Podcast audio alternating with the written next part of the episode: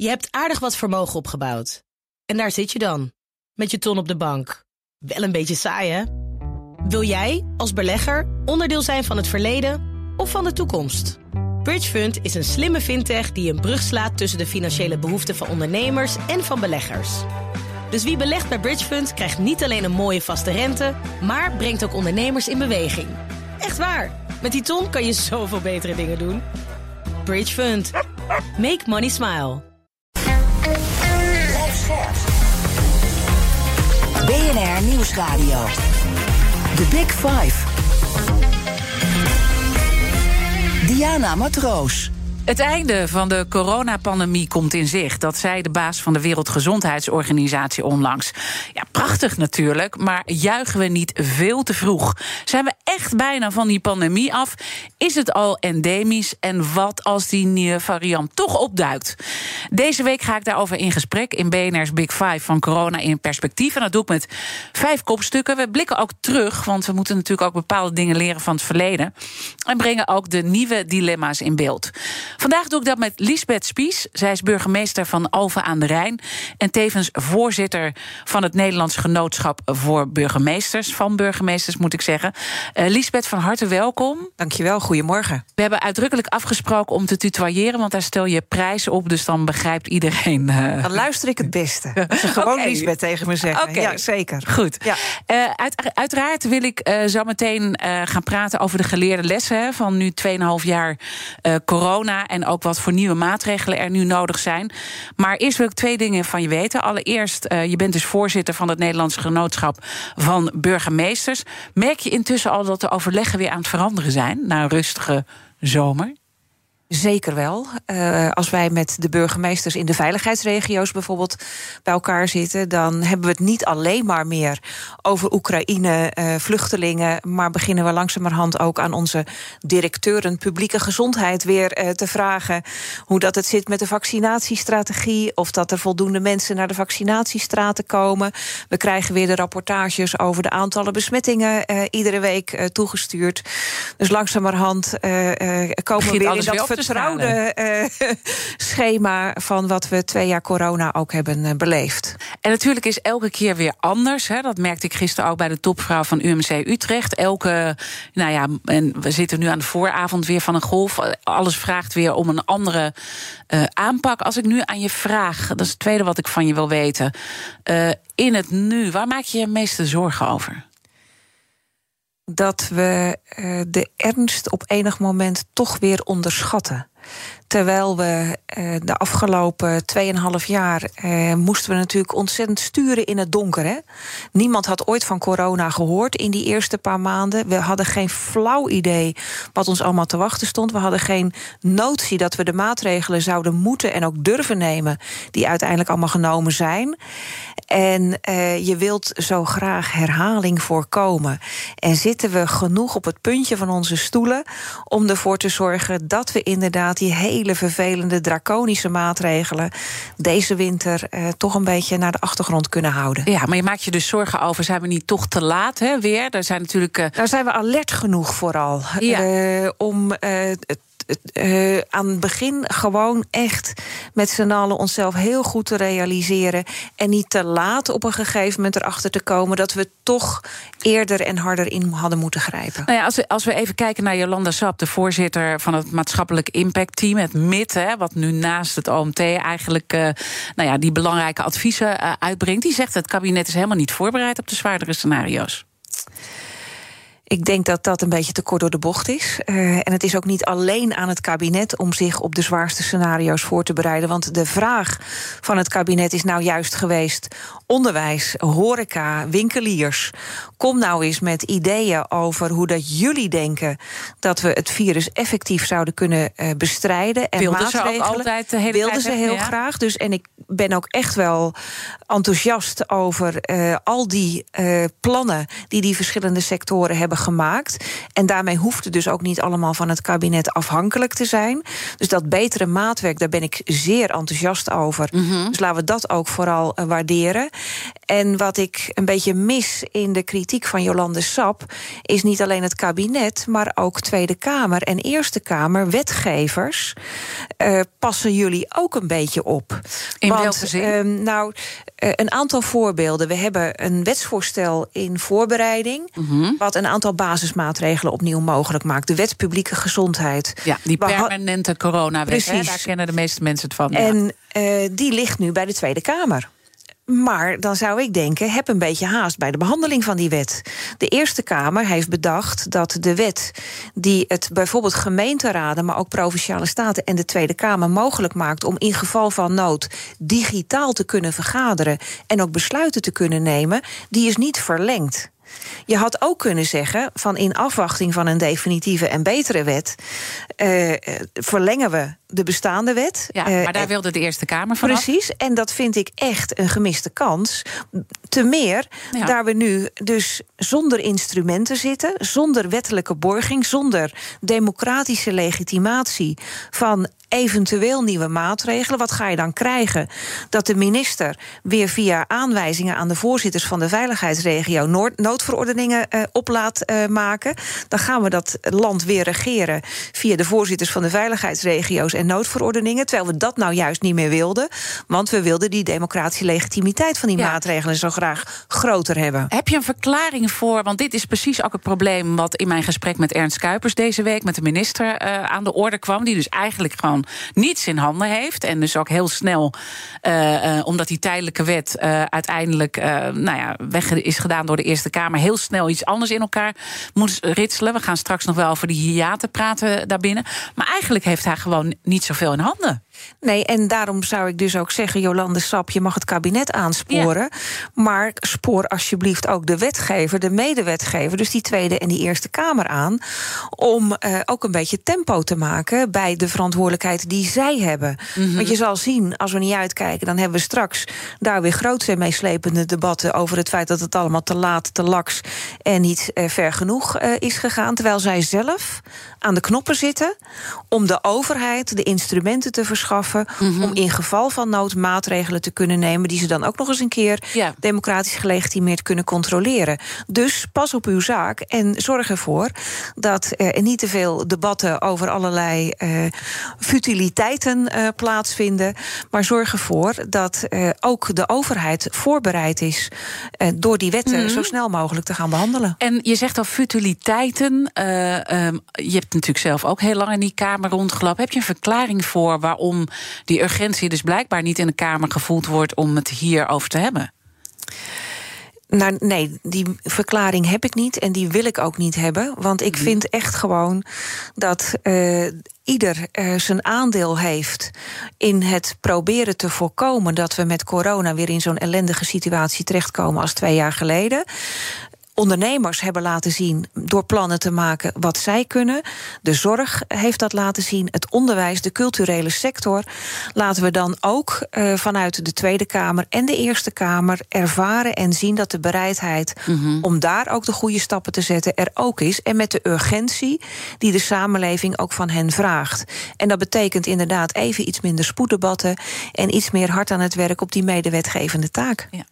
Uh, uiteindelijk heeft Jolanda Sap een aantal dingen gezegd. En een van de belangrijke punten die zij ook uh, naar voren brengt, ga ook iets anders naar zorg kijken. Coronapatiënten hebben altijd voorrang uh, gehad uh, op nou ja, andere patiënten, kankerpatiënten. De, de hele samenleving is uiteindelijk op slot gegaan door ja, alles op die coronapatiënt te richten. En zij zegt: maak andere afwegingen daarin. Hoe kijk jij daarnaar?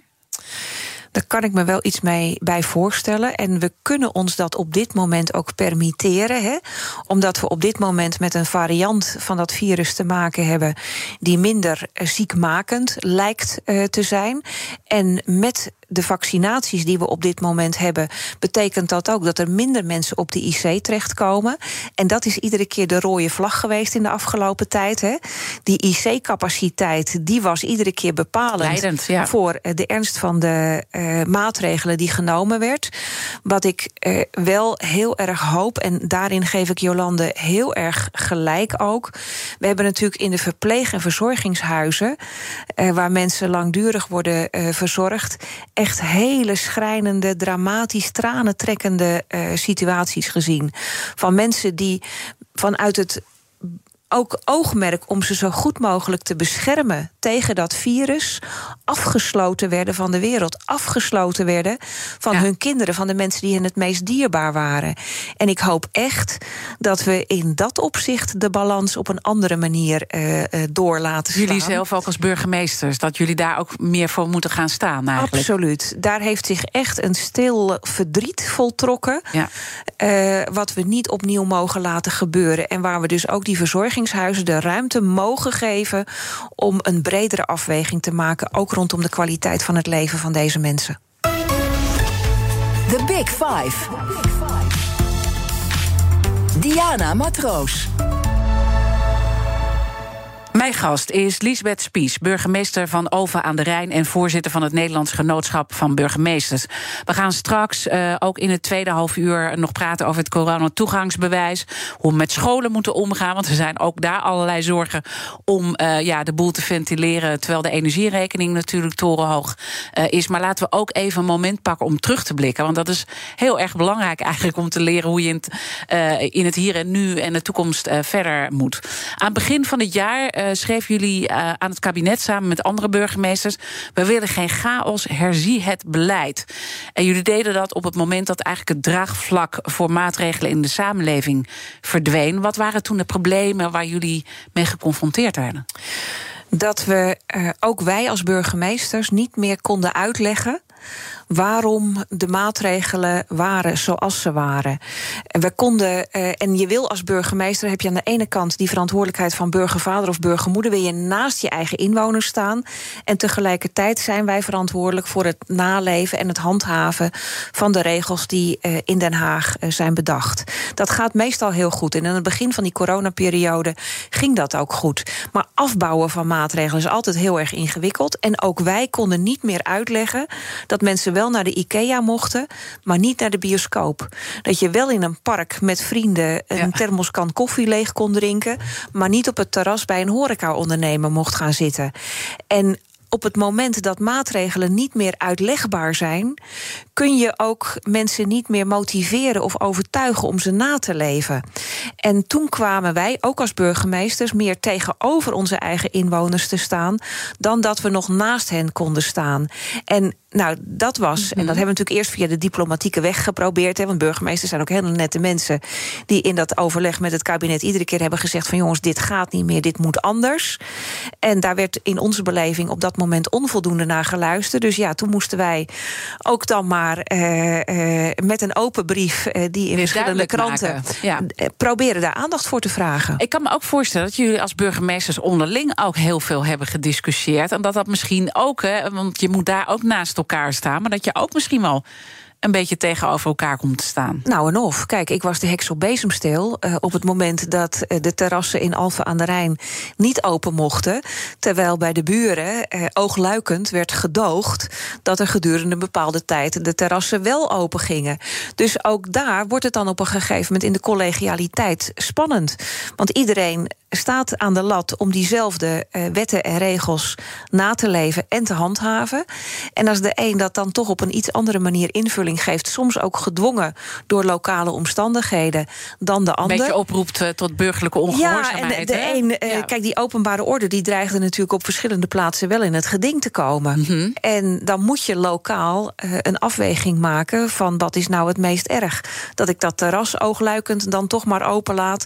Of, nou ja, toen kregen we allemaal van die rare dingen. Van dan werd het een demonstratie. Ja. Hè, en dan mochten er tien, uh, van 10 tot 12 wel koffie geschonken worden.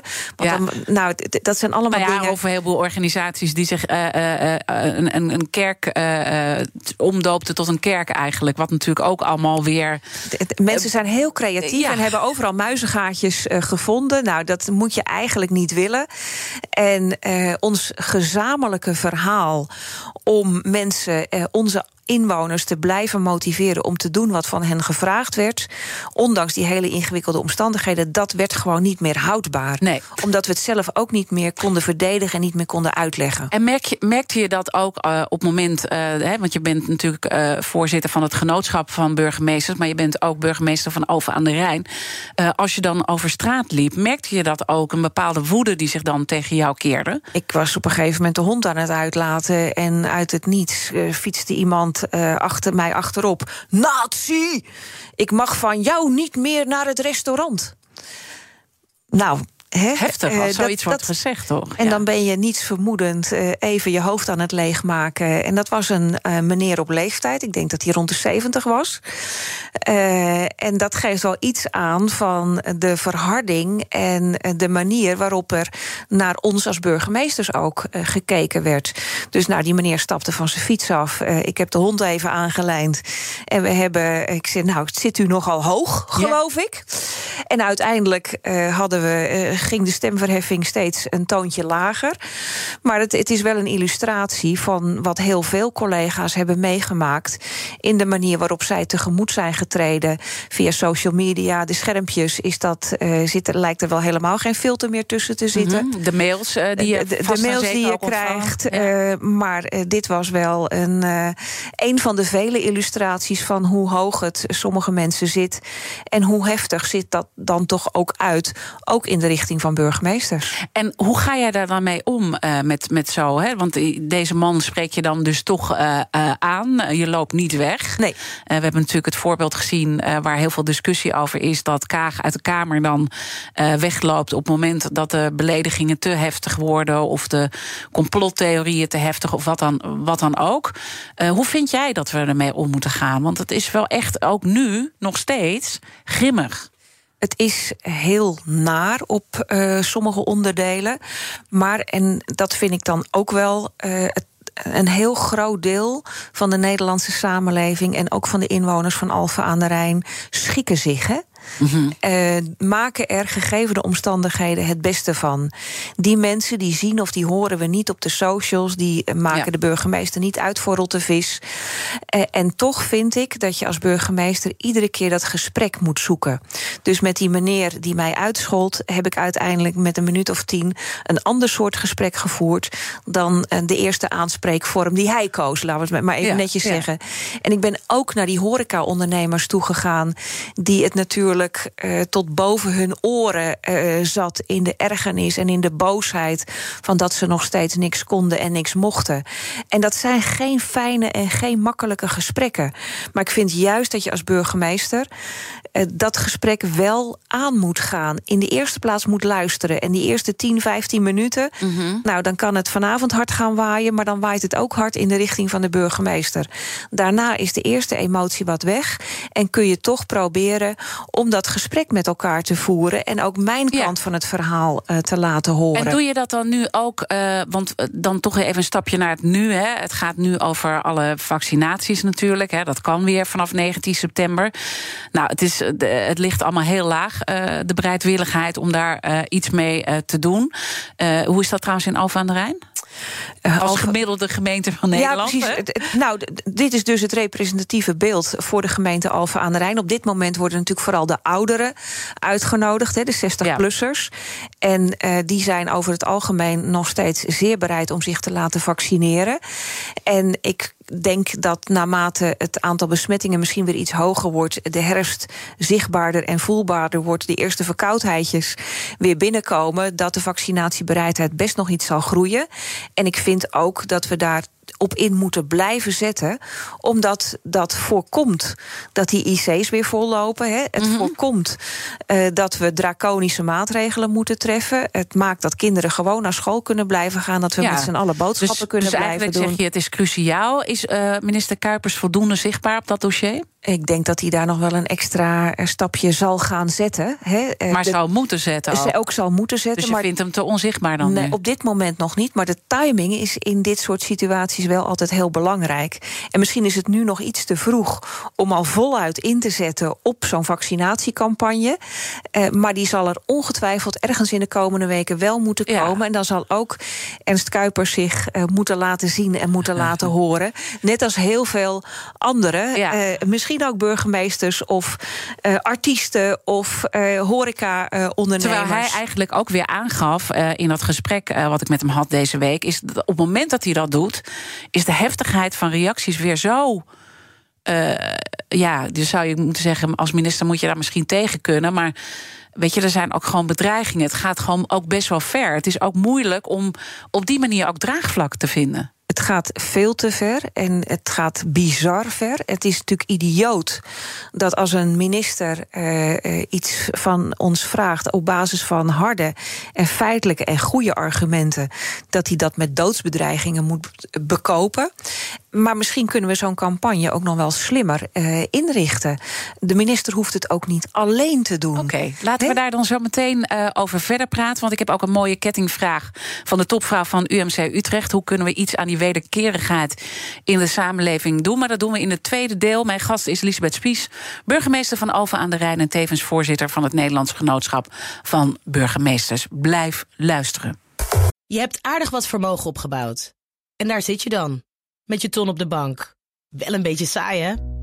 Wil jij, als belegger, onderdeel zijn van het verleden of van de toekomst? Bridgefund is een slimme fintech die een brug slaat tussen de financiële behoeften van ondernemers en van beleggers. Dus wie belegt bij Bridgefund krijgt niet alleen een mooie vaste rente, maar brengt ook ondernemers in beweging. Echt waar, met die ton kan je zoveel betere dingen doen. Bridgefund. Make money smile. Duik mee in de wereld van ESG. Dit seizoen verkennen we hoe bedrijven hun strategieën rond duurzaamheid vormgeven. Ontdek de nieuwste innovaties in energietransitie en de impact van waterstof. Wie zijn de ware koplopers in duurzaamheid? Ik ben Donatello Piras, presentator en samen met Roetoei brengen we koplopers in ESG. Elke maandag om 2 uur te horen op BNR Nieuwsradio. Dit programma wordt mede mogelijk gemaakt door Missie H2. Samen maken we Nederland het waterstofland in 2030.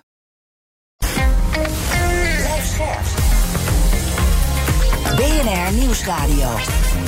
The Big Five. Diana Matroos. Welkom bij het tweede half uur. Deze week praat ik met vijf kopstukken uit de wereld van corona. Eerder deze week sprak ik met minister Ernst Kuipers en de scenario's waar hij rekening mee houdt. Het is terug te luisteren via de BNR-app. Mijn gast vandaag is Liesbeth Spies, burgemeester van Alphen aan de Rijn en voorzitter van het Nederlands Genootschap van Burgemeesters. Komend half uur wil ik in ieder geval nog twee onderwerpen met je bespreken. Namelijk of ondernemers in Alphen aan de Rijn in financiële nood kunnen komen door terugbetalen van de uitgestelde belasting schuld, Want dat gaat allemaal weer spelen nu in uh, oktober. En de kritiek eh, van de burgemeesters op de permanente coronawet. En laten we met dat laatste beginnen. Overigens hebben we afgesproken om te tutoyeren. Dus uh, dan weten mensen dat ik dat uh, doe hier met een burgemeester. Uh, misschien goed om even de kettingvraag ook erbij te pakken. Want ik denk dat dat ook wel een mooie brug gaat vormen naar die permanente coronawet. In de vorige aflevering sprak ik met Margriet Snijder.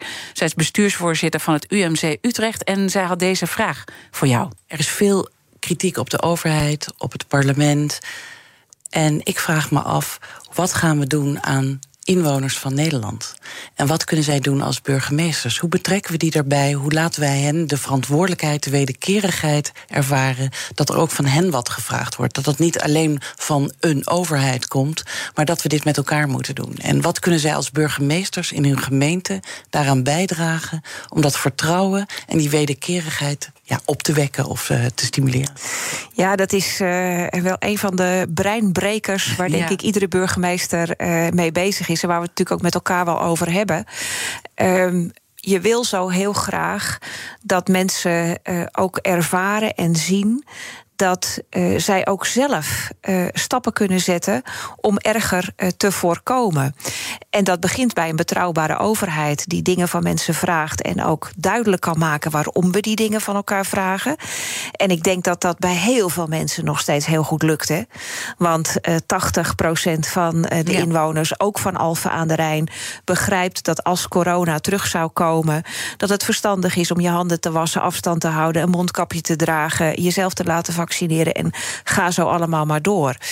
En uh, daar een goede verbinding mee maken. Eh, ervoor zorgen dat er niet alleen naar de overheid wordt gekeken, maar dat we ook zichtbaar en voelbaar maken dat mensen zelf heel belangrijk zijn in het voorkomen van erger. Mm -hmm. Hen daarop aanspreken en hen ook de ruimte geven om dat te kunnen doen, die wederkerigheid. Ik denk dat we daar eh, nog veel meer dan in de laatste fase van de vorige coronagolf gebruik van kunnen maken. En we zagen dat natuurlijk ook toen corona begon. Heel erg, hè? Ja. Want iedereen deed zijn stinkende best om uh, zijn, zijn beste beentje voor te zetten en zich te houden aan maatregelen. En we slangen ons. We, we, keken ook heel erg naar elkaar. Hè? De meest kwetsbaren in de samenleving kregen ondersteuning van degene uh, die uh, ja. even een stapje extra konden zetten. En dan brokkelt het op een gegeven moment uh, af. En ja, we zien nu ook dat er heel veel wantrouwen is van de samenleving. De vraag is ook altijd.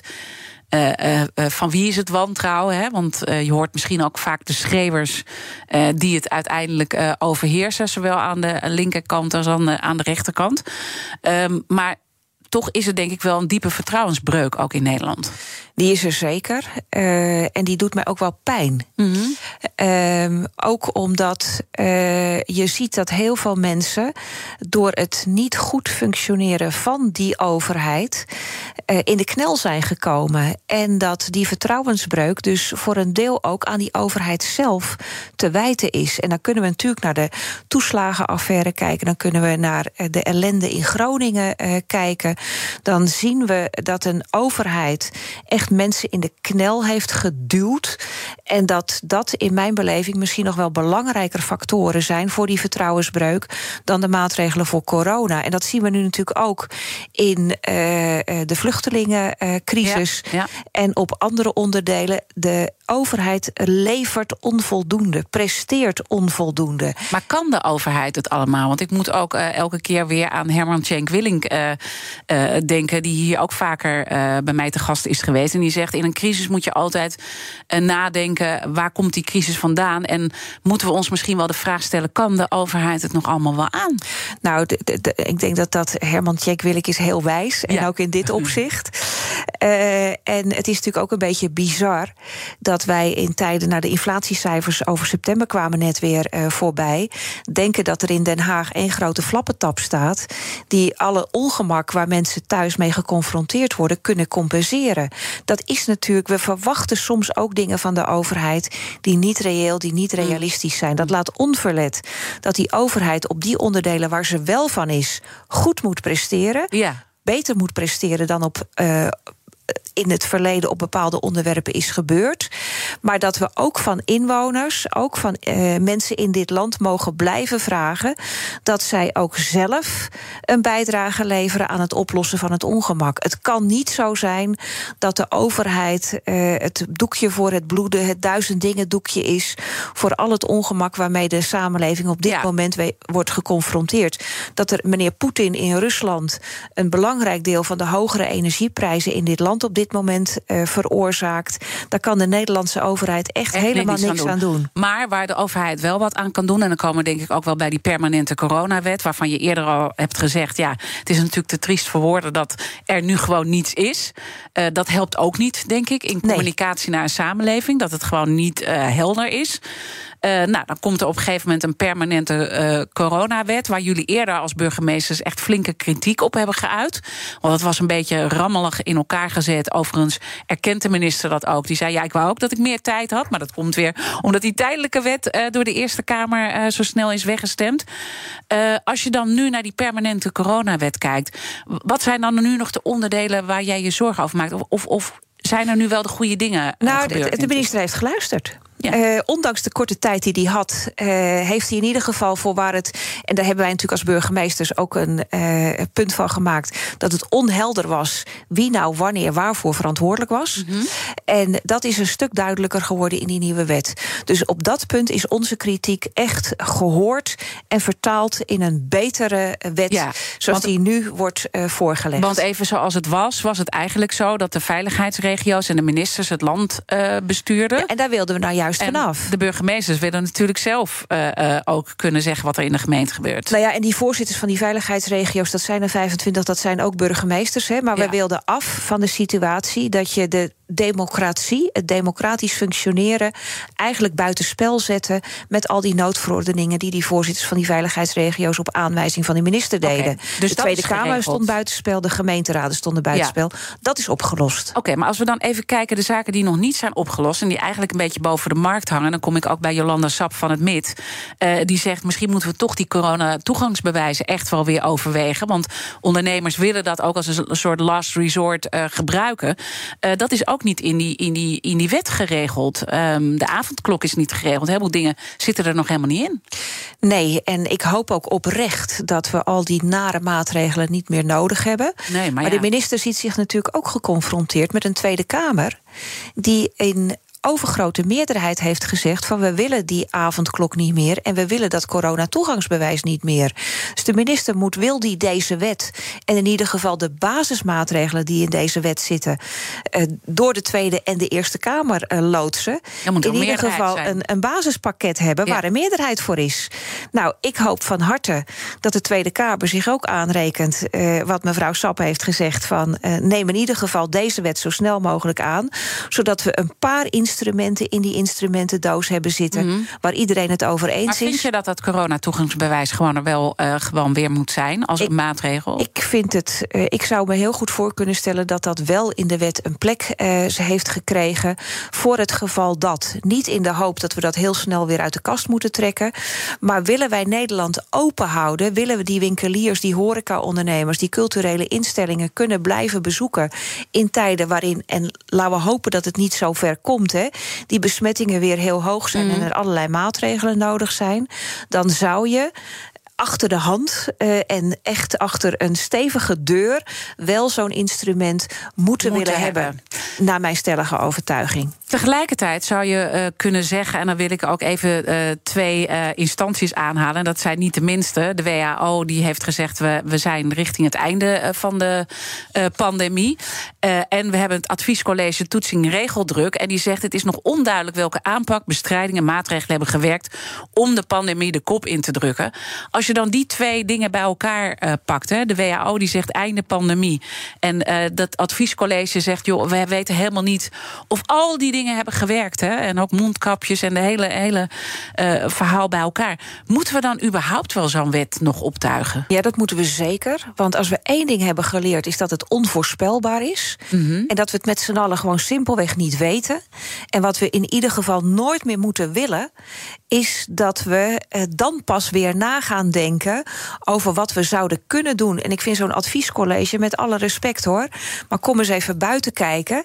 En uh, we kunnen ongetwijfeld weer anderhalf jaar gaan studeren op de effectiviteit van alle maatregelen. Dan zijn we inmiddels twee winters verder. En voordat je het weet, hebben we dan weer allerlei draconische maatregelen. En weer noodverordeningen en alles wat we. We moeten ook leren mm -hmm. van de crisis, wordt iedere keer gezegd. Nou, we leren nu met die nieuwe wet door die democratische legitimatie beter te hebben. We weten welke maatregelen in ieder geval bijdragen aan het voorkomen van grotere ellende.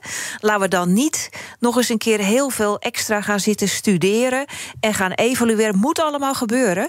Maar ondertussen maar kan het buiten branden. En dan moeten we wel voorbereid zijn. Je hebt aardig wat vermogen opgebouwd. En daar zit je dan, met je ton op de bank. Wel een beetje saai, hè? Wil jij, als belegger, onderdeel zijn van het verleden of van de toekomst? Bridgefund is een slimme fintech die een brug slaat tussen de financiële behoeften van ondernemers en van beleggers. Dus wie belegt bij Bridgefund krijgt niet alleen een mooie vaste rente, maar brengt ook ondernemers in beweging. Echt waar. Met die kan je zoveel betere dingen doen. Bridgefund. Make money smile. Duik mee in de wereld van ESG. Dit seizoen verkennen we hoe bedrijven hun strategieën rond duurzaamheid vormgeven. Ontdek de nieuwste innovaties in energietransitie en de impact van waterstof. Wie zijn de ware koplopers in duurzaamheid? Ik ben Donatello Piras, presentator en samen met Roetoei brengen we koplopers in ESG. Elke maandag om 2 uur te horen op BNR Nieuwsradio. Dit programma wordt mede mogelijk gemaakt door Missie H2. Samen maken we Nederland het waterstofland in 2030. BNR Nieuwsradio. The Big Five. Diana Matroos. Je luistert naar BNR's Big Five van corona in perspectief. Eerder deze week sprak ik met viroloog Marjolein Kikkert, minister Kuipers en coronaduider en journalist Maarten Keulemans. Alle gesprekken gingen over de huidige dilemma's en zaken die we moeten leren van het verleden. En ook welke maatregelen dus nodig zijn richting de toekomst. Het is allemaal terug te luisteren via bnr.nl. Mijn gast vandaag is Liesbeth Spies, burgemeester van Over aan de Rijn en voorzitter van het Nederlands Genootschap van Burgemeesters. Uh, met zo'n uh, nou, ruim zeven minuten uh, op de klok. Uh, moeten we nog een paar belangrijke noten kraken. En uh, dat zit hem ook echt um, ja, bij het bedrijfsleven, de ondernemers ook. Waarvan we weten dat die vanaf 1 oktober uitgestelde belastingen moeten gaan terugbetalen. Dit is ook allemaal een gevolg geweest van corona natuurlijk. het gaat om ongeveer 269.000 ondernemers. Bij elkaar moeten ze nog een belastingsschuld van meer dan 19 miljard terugbetalen. De oorspronkelijke schuld stond op 47 miljard. Hoeveel zorgen maken de burgemeesters zich over deze groep? We hebben ook veel ondernemers die luisteren hè, naar BNR. Dat klopt. En die zorgen bij die ondernemers, ook in Alphen aan de Rijn, zijn best heel groot. Uh, en uh, we zijn bijna vergeten dat Nederland een ongekend steunpakket ten tijde van corona uit de kast heeft getrokken. Juist om die ondernemers in staat te stellen, bijvoorbeeld hun medewerkers in dienst mm -hmm. uh, te houden. Zeker. Dus toen was iedereen daar heel erg blij mee. Ze hebben toen ook al het signaal, in ieder geval ook in Alfa aan de Rijn, afgegeven. van ja, dat is allemaal leuk en aardig, maar straks uh, denkt iedereen dat corona voorbij is. En dan zit ik nog tot over mijn oren in de schulden in de richting van de Belastingdienst. Dus kan daar niet iets met kwijtschelding, kan daar niet iets met verder uitgestelde langere termijn waarin ik die schuld af mag lossen. Ik hoop ook wel dat het kabinet ze nog meer tijd gunt. Mm -hmm. Want inmiddels stapelt natuurlijk ramp op ramp zich ook op deze ondernemers. Ja, de energiecrisis. De hè? energiecrisis. Personeelstekort, ze kunnen niet eens. En, en dat raakt niet iedere draaien. ondernemer over de volle breedte even hard. Hè? Nee. Uh, dus ik denk dat je daar ook uh, maatwerk moet gaan uh, toepassen. De bakkers hebben een ander soortig probleem dan de hoveniers, om het maar even zo te zeggen. De horeca-ondernemers hebben echt een ander vraagstuk dan mensen die in de ICT-ondernemer uh, zijn. Maar er zijn natuurlijk ook bedrijven die juist die, het heel goed hebben gedaan. Fantastisch uh, hebben Door gescoord. de hele digitalisering. Absoluut. Dus uh, dat geldt niet over de hele linie. Maar er zijn echt groepen van ondernemers, zeker ook in dat MKB, die het heel zwaar hebben. Die ook met Prinsjesdag hebben gezien dat er wel heel veel nu naar consumenten wordt gecompenseerd. Maar dat zij eigenlijk nog een beetje stiefmoederlijk bedeeld zijn, zoals ze dat Ja. zelf ook uh, hebben gezegd. Nou, er is, uh, uh, daar is het laatste woord ook nog niet over gezegd. Dus ik hoop echt dat zeker voor die MKB-ondernemers er nog wat meer compensatie komt en ook wat meer tegemoetkoming komt. Ja. Want de overtreffende trap van en heel veel schuld nog moeten betalen uit de coronatijd en de zware lasten nu en dan ook nog hun medewerkers tegen hogere lonen vaak in dienst moeten houden. Ja, dat is een gewoon die heel veel ondernemers ook niet aankunnen. Ik kan me ook voorstellen dat ondernemers zich echt wel een beetje uh, vergeten voelen.